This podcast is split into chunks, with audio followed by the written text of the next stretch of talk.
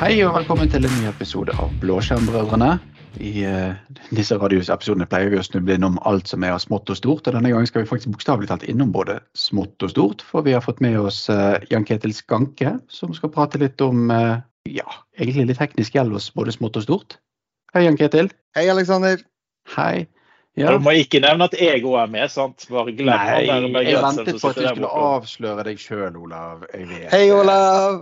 Hei. Ja. ja. Hva har du gjort på siden sist, Ketil? Nei, vi har jo jobba med, med, en del større kunder eh, ja. rundt det å se på å flytte seg fra typisk klassisk Windows Client Management med config manager, eh, group policies. eh, kanskje de har fått på plass noe cloud attach uh, i config manager-miljøet sitt, og de ønsker da å flytte over i et ja, cloud native Windows management, egentlig. Mm -hmm. Så det har jeg jobba ganske mye med den siste tida. Men er det egentlig noe forskjell på om de er små eller store når vi snakker om sånne ting som dette her, da? Ja, det er jo det. De små har gjerne betraktelig mindre legacy å dra med seg, mindre teknisk gjeld. Være seg no, antall applikasjoner.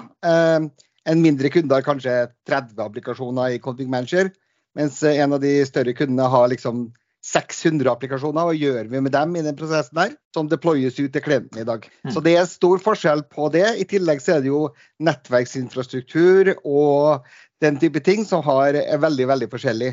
Eh, så har du gjerne i mindre bedrifter så har du kanskje ikke en egen sikkerhetsorg som har tenkt sikkerhet før.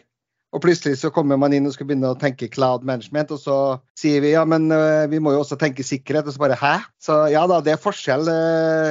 Og det er gøyere å jobbe med de store som faktisk har et forhold til de tingene av og til. Eh, det er kanskje litt mer forståelse hos dem om at dette er komplekst, i motsetning til litt mindre som tenker på hvordan de gjorde ting i gamle dager. hvor Hvis de, hvis de skulle ha et nytt domene, så bare meldte de maskinen ut av det gamle og inn i det nye, så var de fornøyd. Sant? Det er vel ikke, de, de, hadde ikke noen strategier og tanker om det, sant? mens større de har en bevissthet om at uh, dette må fortsette å virke for alle våre uh, brukere under prosessen. Nei, altså, jeg møter fremdeles uh, ikke mange måneder siden jeg møtte bort de siste joggeskokunde, som jeg kaller det. Uh, som driver det vi kaller joggesko-deployment. De løper rundt uh, og manuelt setter opp og installerer PC-ene for brukerne sine.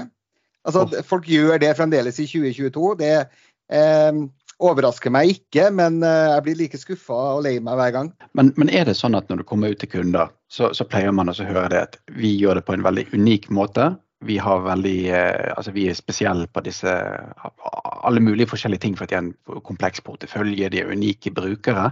Eh, er det noen gang det at du merker det at nei, du er ikke så veldig unik, dette er noe vi har sett hos absolutt alle andre kunder, bare applikasjoner heter noe annet? Stort sett så er det, er det sånn. Men selvfølgelig, jo større de er, jo ikke mer spesiell blir det, men det blir mer komplekst. Mm. Uh, de har kanskje brukergrupper som er spesielle. Hvis du er en en kunde som f.eks. driver med oljeproduksjon i Nordsjøen, så har du enkelte brukergrupper som andre kunder som driver med en høyskole f.eks. ikke har. Altså, selvfølgelig det er det er forskjeller på kundene, men, mm. uh, men, alt i alt så snakker vi om de samme tingene. Vi snakker om uh, applikasjoner som skal deployes. Vi snakker om policies som skal konfigureres. Klienter som skal tas hånd om og sikres. Og tilgang som skal tas kontroll på. Det er liksom det er de samme tingene vi, vi gjør. Eh, kanskje på en litt annen måte å tilpasse for hver kunde, men 90 så er det liksom vi gjør det samme. Så, så det er egentlig volum og kompleksitet øker desto flere variabler det, det, det, legges til. Da. Så det spiller ingen rolle om du har 1000 ansatte eller 2000 ansatte. Det kommer egentlig mer på kom, komplekst sammensetning av applikasjonsporteføljene. Ja, øh, den største kompleksiteten kommer også rundt, rundt dette hvor hvor globalt spredt kunden kan være, f.eks. Mm. Eh, kunder, globale kunder med nettverk over hele verden. Eh, det skal ikke bare funke fra hovedkontoret i Oslo, det skal funke fra den lille satellitten i Sør-Amerika. Da, da, det skaper også en del andre utfordringer rundt dette med cloud management av og til, da, med dårlig båndbredde, andre ting man må tenke på. Men litt av fordelene her er vel kanskje det at når vi snakker om denne typen te teknologi, så snakker vi ikke om at det er noe som må ha en cutover på mandag, f.eks. Alt skal gjøres i helgen. Vi snakker vel om noe som lar seg migrere over tid, som du faktisk kan lage en plan? Eller ser du at det er visse ting som plutselig er sånn at fra og med mandag så slutter alt dette å virke, og da må du ha gjort dette? Nei, nei altså du, eh, du kan jo, Det som er fint, da, er jo selvfølgelig du bytter jo fra én teknologi til en annen. Mm. Eh, på mange måter når du flytter client, eh, altså klienthåndteringa di fra config manager til Intune, da, så kan mm. du selvfølgelig bruke co-management og flytte workload for workload og for workload. Men da er du fremdeles på mange måter på den gamle plattformen. Men du har da flytta noen policies og noen ting over til å håndteres fra sky. Mm i mitt ståsted så er det faktisk en av de verste plassene du kan være. Da er du liksom mm. midt imellom eh, hummer og kanari. Du er liksom midt imellom.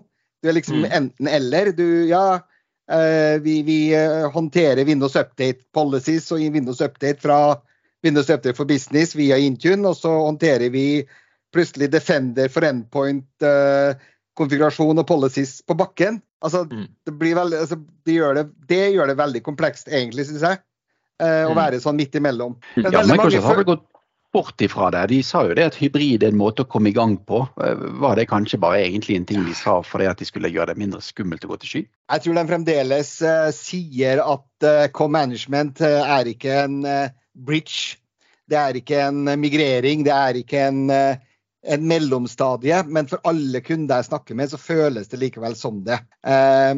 og jeg tror at det å hvis du har gjort co-management og, og, gjort det riktig, så kan det være bra i en, i en, periode. Men hvis du skal flytte over på å bruke autopilot eh, og komme gjennom altså hele den prosessen være i sky fra A til Å, så er det mye lettere å bare gjøre alt i sky. Og selvfølgelig Når du da flytter en klient eller en bruker, da, sier nå skal du være cloud managed fra mandag, ja da blir det en cutover for den brukeren. Men alle brukere rundt den kan jo fremdeles gjøre det de gjorde på fredag. Mm. Så sånn sett så kan du planlegge, som du sier, men for den maskina så er det enten-eller hvis du flytter fra eh, terrain cloud native. Og da må du gjerne resette maskina på veien for å komme mm. dit. Vi, vi, har jo sett det sånn som vi holder på, så bruker vi det gjerne autopilot-øyeblikket til å konvertere alt over. At vi har eh, hatt en, en blanding.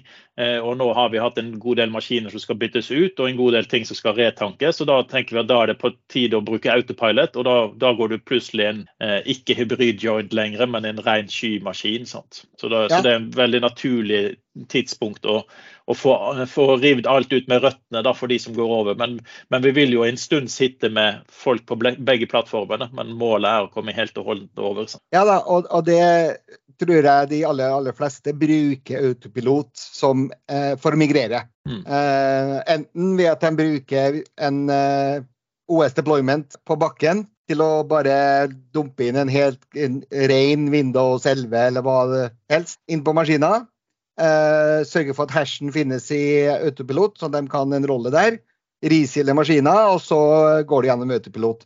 Det er mm. typisk migrering. Fordi du må fjerne maskiner fra AD. Du må eh, liksom kline opp alt og komme fresh. Eh, mm. det finnes selvfølgelig masse hack og muligheter man kan gjøre for å flytte over uten det. Eh, vi har en, hatt en kunde også eh, som nekta å resette maskinene sine, men han skulle flytte til Ashad Join. Mm. Men uh, han ville bare melde dem ut av AD og få dem joina til Ashad. Og, og det, Spørsmål, det er det er det veldig mange som kjøper nye enheter for å unngå dette? At man kan ha en liten periode der man beholder det gamle samtidig som man får nytt? Det kommer også veldig an på size. Jeg vil sagt at også, så er ikke det aktuelt at du får beholde den gamle PC-en når du får en ny en med autopilot. Den skal inn med en gang. Ja. Ja. ja for det, du, du, vil ikke koeksistere med å ha management på to plattformer per bruker. Det blir ganske komplekst. Jeg eh, skjønner tanken litt med at de skal ha det gamle hvis det er noe som ikke virker lenger. Men da, da er det bedre at det, alt må være testet ut for de skal rulle over av det som er liv, livsviktige systemer. Sånn at eh, Det kan være noe som ikke virker, men det er ikke noe kritisk. Og det kan man jo løse f.eks. med en Windows 365 eh, desktop, kanskje, eller eh, ja, noe sånt. Og, og det, det, er helt riktig. Men et eksempel på en sånn kjøpe ny maskin. Vi hadde en kunde som hadde en split-out. altså De splitta ut deler av selskapet i et nytt selskap. ny tenant, nytt setup, hele pakka. De kjøpte 120 nye PC-er. Ferdig. Mm. Eh, for å ikke ta, ta, med Og det var masse sikkert andre årsaker til det. Men stort sett så er det Hvis du, hvis du er 30 000 brukere, så går du ikke ut og kjøper 30 000 nye maskiner. Mm. Eh, du får ikke tak i 30 000 nye maskiner engang i dag. Det er jo umulig det å få tak i så mange maskiner. Eh, om du hadde hatt pengene, så hadde du ikke fått det til. For de klarer jo ikke å levere. Jo, altså, det, det, jo... det, hadde vært, det, hadde vært 20 000 forskjellige modeller og produsenter. ja, altså det hadde blitt et mareritt uten like. Ja. Så, så, det er jo et annet problem. Altså supply, altså supply chain i dag har jo et kjempeproblem med å levere nytt hardware eh, oppå det hele. Men, og dermed så må man, ser man gjerne ofte da, på å få flytta over eksisterende maskiner mm. eh, på en enklest mulig måte for, uh, for sluttbruker. Men vi ender veldig opp med å kjøre en full reset av maskiner. Sørge for at uh, dataen ligger i OneDrive eller uh, ikke på klienten, og så kjører vi bare rett og slett en ren vipe og reload. Ja, for med... Du har oppdaget at hvis de bare går inn og kjører en reset i OSS selv, så vil du fortsatt ha problemer etterpå, tenker du på? Eh, nei, ja, det kommer an på hvor eh, kreativ eh, de som har bygd det imaget de har, har mm. vært. Eh, hvis du går inn i Windows og fjerner pakka, uh, altså built-in apps med å remove Ja, nå ble jeg veldig teknisk. Hvis du uh, fjerner den provisjonerte pakka, altså remove Apex provisioned package, så fjerner du faktisk hele appen fra hele OS-imaget på maskina. Mm. Da hjelper det ikke å kjøre en Reset eller Vipe, den kommer ikke tilbake. Nei, for den er helt og holdent bort, ja. ja. ja den er fjerna fra det profesjonerte imaget, som også blir brukt som recovery image når du, mm. bruker, når du tar en Reset. Ja. Så Stikkordet her er download from cloud. Eh, spørsmålet er skulle vi rett og slett ha, skulle vi ha rett og slett hatt en sånn download from network to share? Altså Det er rett og slett noe som mangler i Autopilot. At du kunne hatt en, en on-prem-løsning som gjorde at ikke du måtte ha alle 5000 PC-ene måtte tanke opp på nytt fra sky. Ja, eh, det finnes jo community-løsninger som gjør eh, slike ting, eh, f.eks. Men da snakker du om å ha din egen deployment-løsning. Da kan du like godt ha Config Manager eller MDT på bakken. Det er jo det som er smerten. En, en, enkel MDT-deployment koster, koster jo ingenting å ha gående. Uh, du kan ha et vanilla Windows-image som du bare deployer ut. Altså, ja, for det ser vi nå, nå, når vi har testet autopilot, uh, så blir det jo sånn at du må resette ganske mange ganger når du tester tingene ut. Ja. Uh, og en reset det tar deg jo fort en halvtime til en time. Mens det å deploye Windows 11 i dag, det tar deg jo knappe fem minutter. liksom, så, så, vi ser jo det et vanilla image er jo en bedre, raskere løsning enn, enn å resette. Da. Men og I en storskala utrulling hvor man skal risette mange maskiner, så tror jeg nok det er, det er fornuftig å ha den typen løsninger. Eh, men det er verre hvis du, hvis du tenker på eh, hverdagsbruk, så er jo fordelen med reset det kan du gjøre hvor som helst. Og det vil fungere når du kommer opp igjen. Du behøver ikke være på kontoret, du behøver ikke ha oppkoblinger. Men, men det finnes jo Jeg har jo sett ting som MDT over Wifi f.eks. og sånne ting. Så man har jo, man har jo sånne halvløsninger som man kan tenke på også. da. Ja, og så har du også løsning for eksempel, som eh, David Sigura har laga, som heter OST Cloud. Eh, mm. Eh, hvor du faktisk eh, deployer fra sky.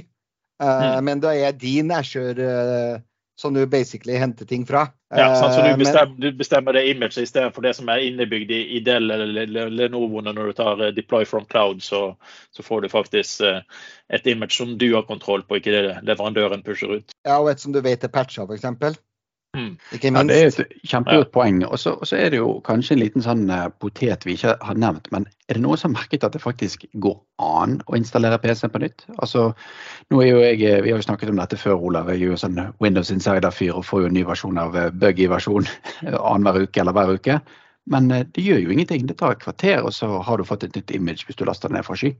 PC-ene har jo blitt veldig gode. Ja da. Uh, kommer an på hvor, hvor hvis, hvis, på en måte, altså Min primære arbeids-PC da, den har jeg så mye verktøy og, og, manuell konfigurasjon som er satt opp på etter hvert, at det, det, tar meg nok en dag å komme tilbake med alt jeg har på, på desktopen min, som står her, liksom.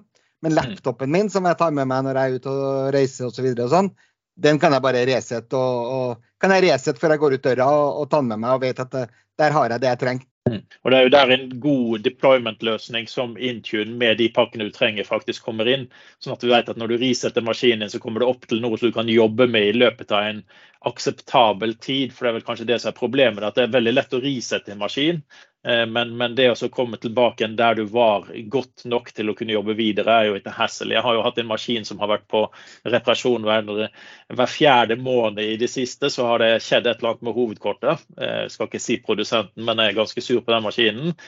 Og da lærte jo meg det til etter hvert at jeg lagde Winget eller Chocolate-verktøy som lastet ned alt jeg trengte hver eneste gang jeg måtte gjøre dette på nytt igjen. For det var så irriterende at jeg til slutt fullautomatiserte min egen hverdag. For mine verktøy er ikke helt like eh, det som er i bruk på jobben eh, for alle, pga. at jeg da har andre roller. Så, så, det var irriterende å måtte bruke én til to dager for å føle at du faktisk sitter og jobber komfortabelt på maskinen din igjen. Ja da, eh, men, men det å, å, ha muligheten til å rett og slett resette maskina di selv, da, hvis noe skjer når det er på farten. Vi var jo mm Uh, hele jobben vår var på en sånn fjellhytte oppe på Norefjell i fjor høst. Uh, hvor han ene hadde PC-en bare bluescreena, bluescreena, bluescreena.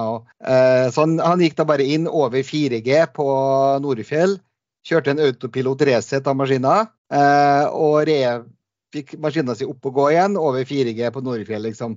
Det, det er ikke mange andre løsninger som gir deg tilsvarende.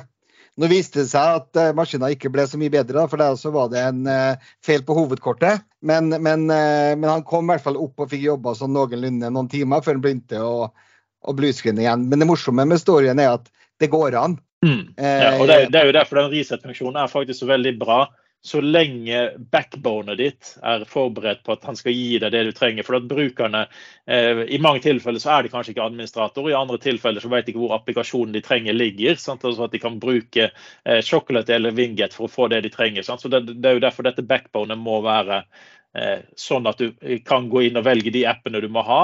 Eh, og du får de du absolutt må ha, de kommer automatisk inn. Sant? Ja, og så er det også dette med Hvis vi går litt tilbake til det der med store versus små kunder, da, så er det jo sånn at de små kundene har jo kanskje én eller to personer som jobber på IT, og de to har kanskje full kontroll på miljøet sitt. Eh, eller de mener i hvert fall å ha det. Eh, mm. Mens hos en større kunde så er det plutselig veldig veldig mange interessenter. Mm. Eh, du har kanskje tre forskjellige partnere inne på andre områder som har ansvaret for det og det og det. Du har én avdeling har ansvaret for sikkerhet. De eier Defender. Så er det en annen som jobber med, med Office. og det er plutselig en, er det en partner som eier Office uh, for deg. Og da plutselig så mm. blir det veldig komplekst da, å få til en løsning. Uh, men det jeg ser, da, er at veldig, veldig mange kunder begynner å retenke sourcing-strategien sin når de går til cloud. Mm. De tenker jo, men altså partneren min har jo håndtert on-prem-miljøet mitt nå i, de siste 15 åra eller 10 åra. Jeg er egentlig ikke, ikke, så veldig fornøyd med hvordan de forvalter plattformen, oppdaterer, holder meg up to date, tar i bruk nye ting. Jeg vil på en måte ikke ta med meg dem over i sky, for der går jo ting så fort. De kommer ikke til å klare å henge med. Altså Sånne ting hører jeg fra kundene mine. Og mm. de ønsker da OK, hva skal til for at vi kan nå ta mer av det her hjem når vi går til sky? Blir det lettere for oss? Blir det mindre jobb? Uh, er, det lettere å bruke? Hvordan er det med rapportering? Altså, så veldig mye av disse diskusjonene havner jo også oppi. da. Og det er, ikke, det er jo ikke mi, mitt og typisk vårt sted å fortelle kunden at jo, kutt ut den andre partneren og gjør det alt sjøl. Men da er det det å være en god rådgiver som forteller deg om plusser og minuser med begge sider. Mm. Eh, og men vi ser veldig ofte at de ender opp altså, med å ta mer ansvar hjem når de mm. går til sky. Eh, og så er det dessverre sånn en del partnere som da blir litt sure. Og så, og så begynner de å gå i sånn gå sakte-modus og ikke vil hjelpe til og, med det som de må hjelpe til med for å få oss flytta over. Da. Mm. Det er altså en utfordring. Realiteten er jo det at eh, når du går til eh, skyen, så får du ofte den fordelen at du får verktøy som du normalt sett ikke hatt råd til å kjøpe selvstendig. Eh, samtidig som de verktøyene har da bedre interface for å lettere kunne jobbe med dem. Sant? Så det, eh, det, kan være som du sier, mer aktuelt å innsource en mann eller to for å gjøre det du har leid inn tid til å gjøre før. Sant? Altså bare Pga. at verktøyene har endret seg og, og, prisen på verktøyene er så overkommelig å, å, å, eie. For du eier ikke verktøyene, du eier, eier bare tjenesten av bruk av de verktøyene. Ja, men så, vet du, du, Olav, du har jo vært inne i Config Manager-konsollen noen ganger i livet ditt, du også. Mm. Hvis du ser på kompleksiteten i det verktøyet, det er et kjempeverktøy. Det er super masse power i det verktøyet, men det er også komplekst. Mm. Intune-konsollet er mye lettere, det er mye mer lightfit. Nei, du kan ikke gjøre alt det samme du gjorde før, men du får gjort det du trenger for å manage plattformen din. Og Det mm. tror jeg er det viktigste. på en måte. Mange ser at det, Intune er lettere å bruke. Terskelen for å ta det i bruk uh, er mye kortere kontra det å lære seg config manager på egen hånd, f.eks. Og så har det vært eh, mange av de tingene i config manager som var mer komplekse, som du gjorde noe med, som krevde mer innsatt. Det var de som sluttet å virke når det kom en ny versjon eller en upgrade. Sant? Og det, det, Der er fordelen med Intune at ja, det er, det er litt enk, eh, enklere å sette opp, så du får kanskje ikke gjort akkurat det du måtte ønske. Men har du fått lov å gjøre det du ønsker, så vil det i config manager veldig ofte bety at det slutter å virke på neste update. En, en annen og kanskje litt sånn interessant greie er jo det at ligger feil hos deg eller ligger den hos Microsoft eller ligger den hos partneren din. Eh, du tar jo bort hele variabel av infrastrukturen din når du går til en skytjeneste. Du antar at den er på plass, at den fungerer. Mm. Eh, det er ikke unormalt å komme inn at det er en database eller en server som hangler litt, eller noen har lukket en brannmur eller noe sånt. En helt annen plass enn der du egentlig tror feil ligger. Mm. Det, det, er riktig, men eh, det med brannverk og nettverk er også noe som vi ofte ser skaper issues, selv i cloud management-verden. Fordi mm. da må jo klientene dine faktisk snakke direkte med en del internettjenester for at du skal få lov å manage produktet ditt. Mm. Uh, og nettverksoptimalisering, eller delivery optimization, uh, er kjempeviktig i store miljøer når vi snakker om det å bruke Intune og Windows Update for business, for så vidt. For Du ønsker jo som sagt ikke at 30 000, 40 000 klienter skal gå ut på internett og hente 22 H2 i dag. Mm. Du ønsker at eh, en brøkdel av dem skal gå ut på internett og hente, og så skal alle de andre hente fra hverandre. Ikke sant? Mm. Det er sånn du ønsker det skal skje. Og det krever en del konfigurasjon av både lokalt nettverk og policies og innsikt i nettverket til kunden for at vi får det der til å spille. Men det som er kult, da, er når vi får det til å spille, så ser vi at de får eh, ja, et sted mellom 60 og 80 av dataen kommer da fra Peers. Og Det er ganske mye besparelse på datatrafikk over vannlinken din. Hva har det egentlig å si i hverdagsbruken? Altså, vi har jo blitt vant med det at eh, PC har blitt bedre, disken har blitt større, mer minne, mer båndbredde. Alt har blitt bedre. Eh, har det egentlig noe å si at de tar sånn peer-utnyttelse i, i, vår del av verden, eller har det mye å si? Nei, for uh, sluttbrukerne av PC merker jo knapt at uh, det skjer. Annet enn at de får ting fortere når de skal patche. Uh, så vi har ikke fått noen tilbakemeldinger egentlig fra noen kunder på at de merker at uh, nå ble PC-en min så treg fordi at han er en peer. Uh, fordi Delivery Organization ser jo på hvor mye kapasitet har PC-en din, hvor mye ledig kapasitet har du. Har du minne, har du disk, har du båndbredde? Og hvis ikke du har dette, så deler den ikke. Så, så den er ganske smart på egen hånd til å finne ut om en skal hvor mye peer-kapasitet den skal gi fra seg. Merker eh, bedriftene besparelser på det? Altså, Har det egentlig noe å si? Ja. ja. Eh, vi, har, eh, det vi hadde en kunde som ikke hadde gjort det riktig. og Så kom Patching Tuesday, og så gikk brannveggen ned. Ja, for Det er vel der du kommer inn på det med små og store utfordringer igjen. sant? Altså ja. for, en, for, en, liten bedrift så vil ikke de merke dette her, sant? men for en større bedrift så er det plutselig ekstremt mange kall samtidig. Sant? Ja, her var det da 5000 klienter da, som gikk ut og skulle patche samtidig. Eh, og det var en kombinasjon av det at brannveggen ikke, var, ikke var konfigurert riktig. For selv om du bruker delivery optimization, så må du alltid du må spørre Microsoft om patch. Så får du tilbake data om hva patchen skal inneholde, hasher og, og filinformasjon osv. Og, og så begynner du å spørre lokalt. Så, så, litt av problemet her var at også at de forespørslene til Microsoft om å, å få den informasjonen feila, i mm. tillegg til at informasjonen om å get, få tak i patchen feila. Så det var liksom sånn dobbelt opp. Så det ble støy veldig, på støyen? Ja, så de fikk veldig veldig mange små sånn, småforespørsler Pluss at det var mye trafikk som gikk samtidig. Fordi alle måtte hente da på egen hånd fordi at dette funka ikke. Så hvis du konfigurerer det feil, så kan du ta ned nettverket til kunden. Mm.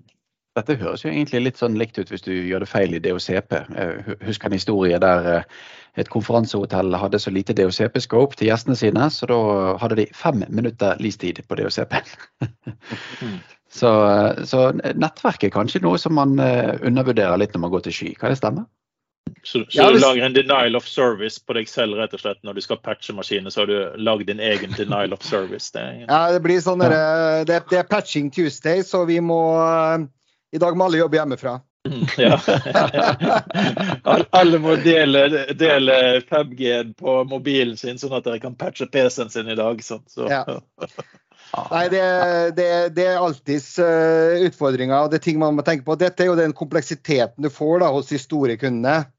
Uh, mm. Og så er det dette også med å gjøre det riktig, sant? for du ønsker jo ikke at uh, DO skal gå imellom lokasjoner. Du ønsker på en måte skal holde seg innenfor kanskje et subnett eller innenfor et kontor. Alt etter sånn hvordan du har segmentert nettet ditt. Så dette er jo også hvordan du konfigurerer opp da, delivery optimization. Så er det også det... gjerne et større behov for rapportering hos store kunder enn det er hos de små.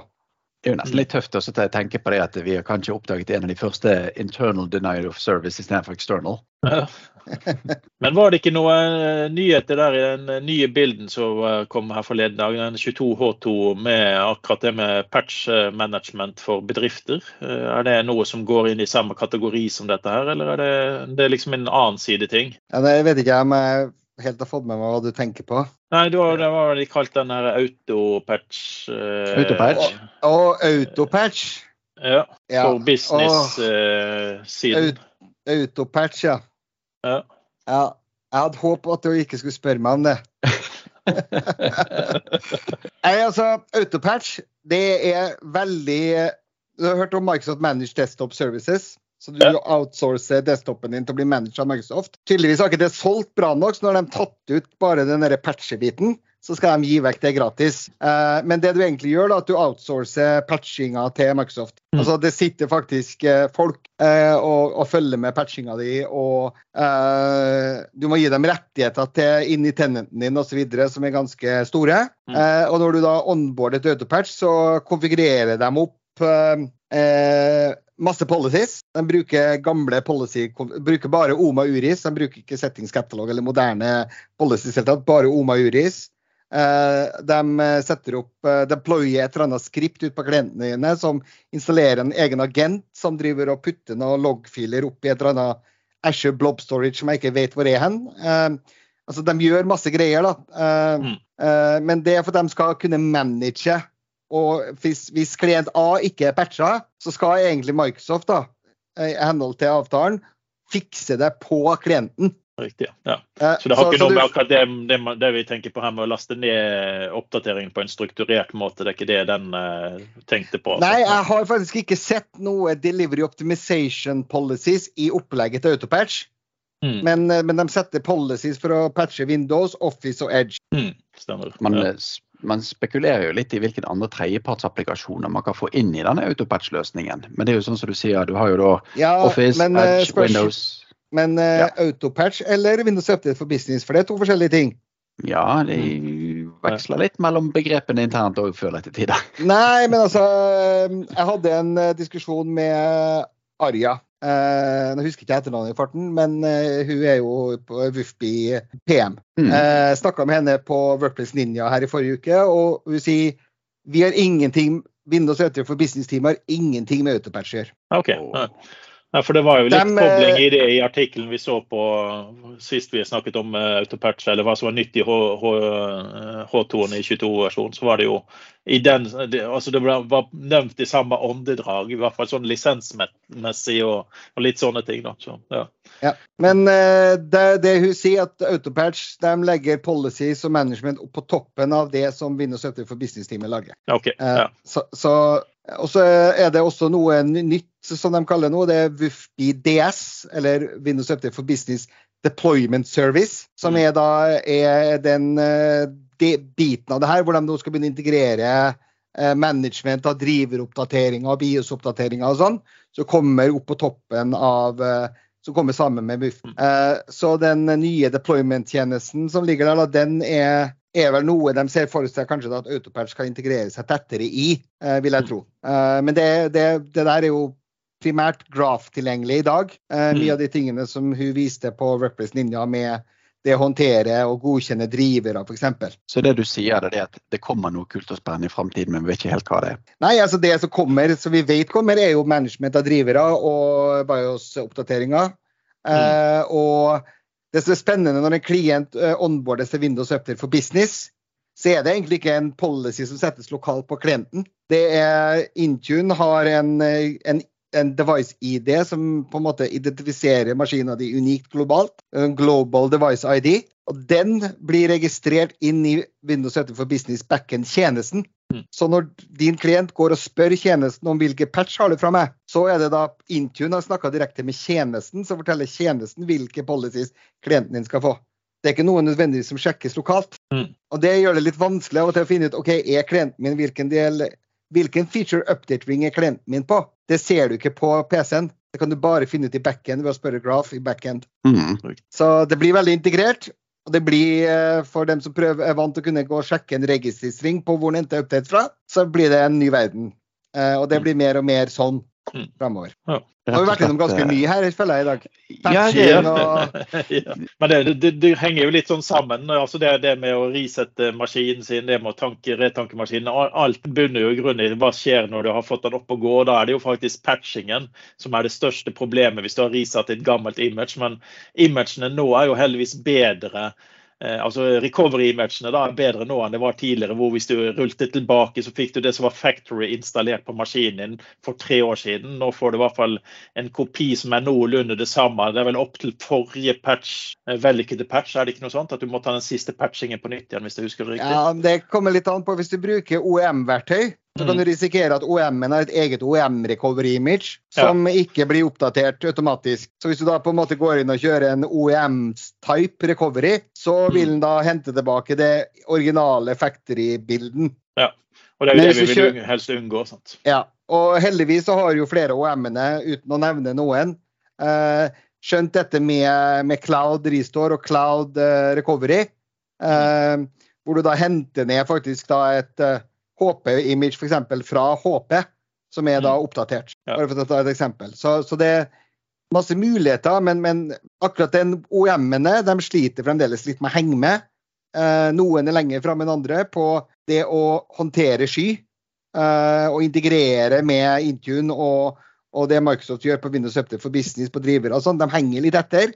Noen er lenger fram, noen ligger litt bak. Ja, men Da har vi jo lært eh, masse. Eh, er det for, bare for å eh, nedskalere litt. Grann. Eh, når man har snakket om eh, nå hvordan vi migrerer større firmaer over til en cloud management, er det noen, noen, tips du kan ta fra det ned til de mindre? altså De som nå sitter og tenker på at vi skulle gjort dette, her, men dette blir, høres jo for stort ut for oss. Er det liksom noen, noen gode tips, nøkkelord du kan si hvis, hvis jeg med min bedrift med 40-50 maskiner skulle tenke på denne migreringsparten? Er det noe du ville ha fremhevet av erfaringer? Nei, altså Typisk de små da, de har jo ikke lagt på noe custom image på maskinene sine i utgangspunktet. Så de er jo factory De har jo på en måte OM-en sitt eh, default image på. Mm. Eh, og i de tilfellene så er det veldig ofte bare snakk om å få maskinen registrert i autopilot og kjøre en reset. Mm, ja. Og migreringen av applikasjoner, for de har vel mest sannsynligvis en config manager, så da er det egentlig bare det å begynne å De har mest sannsynlig ingenting i dag.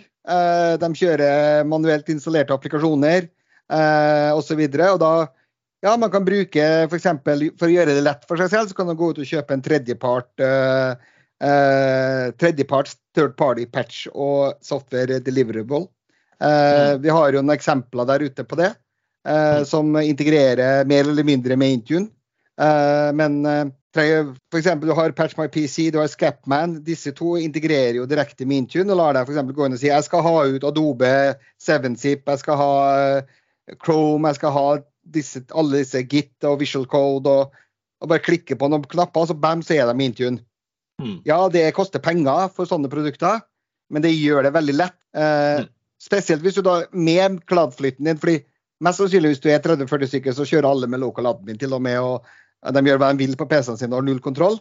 Mm. Så ønsker man på en måte, nå skal vi begynne å manage PC-ene våre. Det er ofte det som skjer. Mm. Og da, da, er det sånn OK, hva skal vi, skal vi da ta vekk local admin nå, eller? Og da begynner diskusjonene selvfølgelig. Ja, vi må hva med applikasjoner, hvordan skal vi få til det? Og mm. Ja. Så, vi, har jo, vi har sett en par sånne gamle applikasjoner, sånn som Ninite for business, men den har jo gjerne litt sånne utfordringer. Så vi har jo vært borti en del sånne tredjepartsløsninger før, men uh, diskusjonen tar jo gjerne litt fart i den skymigreringen, eller hva tenker du, Olav? Det, det, er jo mange ting som er spennende på vei. altså Du har jo Chocolate som har eksistert ganske lenge. Og du, og du har jo nå Winget muligheten til å installere applikasjoner. Og, og så har du disse tredjepartene som Jan Ketil snakket om. Eh, og det, det, man skal tenke på som er en fordel med å gå de veiene på en eller annen måte, det er det at du vil få siste versjon av applikasjonen Eh, I motsetning til hvis du begynner å publisere apper selv i Intune, hvor du vil publisere den versjonen du laster opp. Sant?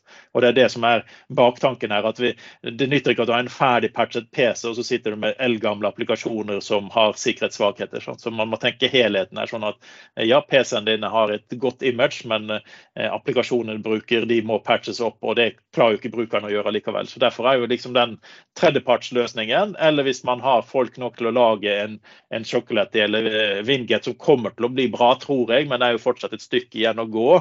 Eh, men jeg tror det, det er liksom tanken man må gå med, sånn at man kan få lastet ned de siste versjonene av applikasjonene, eller sin egen blob med chocolate, sånn at du kan laste ned din egen egne interne godkjente versjoner, at du bare pusher ut det opp der. Da. så Det er jo en, en, måte å gå rundt etterpå. Men det viktigste er jo at uh, applikasjonene er jo nesten det som blir angrepet mest. Det er ikke operativsystemet lenger. For at patchingen er så bra at det er applikasjonslagene som uh, vi sliter mest med for tiden. Ja, og det er litt av challenge med da, å bruke det vi har i hvert fall sett, da, er at de har vært borti kunder som har både laga Wingate-skript og Chocolatey og den saks skyld. Litt av utfordringa der er jo når du lar den motoren installere og håndtere appene dine, så er det ikke like lett å se da i f.eks. Intune hvilken mm. versjon av applikasjonen er det vi har deploya. Eh, og da må du begynne å basere deg på, på andre kanskje inventory-løsninger for å få eh, fullgod oversikt over hvor godt patcha er egentlig eh, Chrome i miljøet mitt. Hvor godt patcha mm. er Adobe i miljøet mitt. Og Det er der jeg måte fordelen med å ha alt i Intune, hvor du kan se dette er den versjonen jeg deployer. Den er deploya på 99% av alle PC-ene mine. OK, da er vi 99% patcha på siste versjon. Mm. Hvor du da kan gå inn og se disse dataene. Og det misser du litt, føler jeg, med å bruke tjenester som Chocolate. Ja, du kan, du kan, kombinere det med at du bruker inventoren i Defender, da, så har du litt oversikt over det. For da får du alert med sånne ting. Men, ja, hvis, du har, ja, jo... Eh, hvis, du har, lisens på Defender for eh, endpoint, ja, men en, en, en kunde på, på 40-50 brukere, han har kanskje ikke full lisens på det. Nei, Da blir det skillig mer tungvint. og Det er derfor vi snakker om disse tredjepartsleverandørene. Det koster penger, men det kan spare deg masse penger og tid og bry. Mm, det er helt riktig. Ja. Ja, Men vi er vel på tide å begynne å runde av, Aleksander? Ja, vi har fått utrolig mye interessante detaljer å tenke på. Kompleksitet, mange verktøy, mange navn har blitt nevnt. Ehm, dette har vært gøy. Mm. Så sier vi takk for at du ville hilse på oss, eh, Jan Ketil.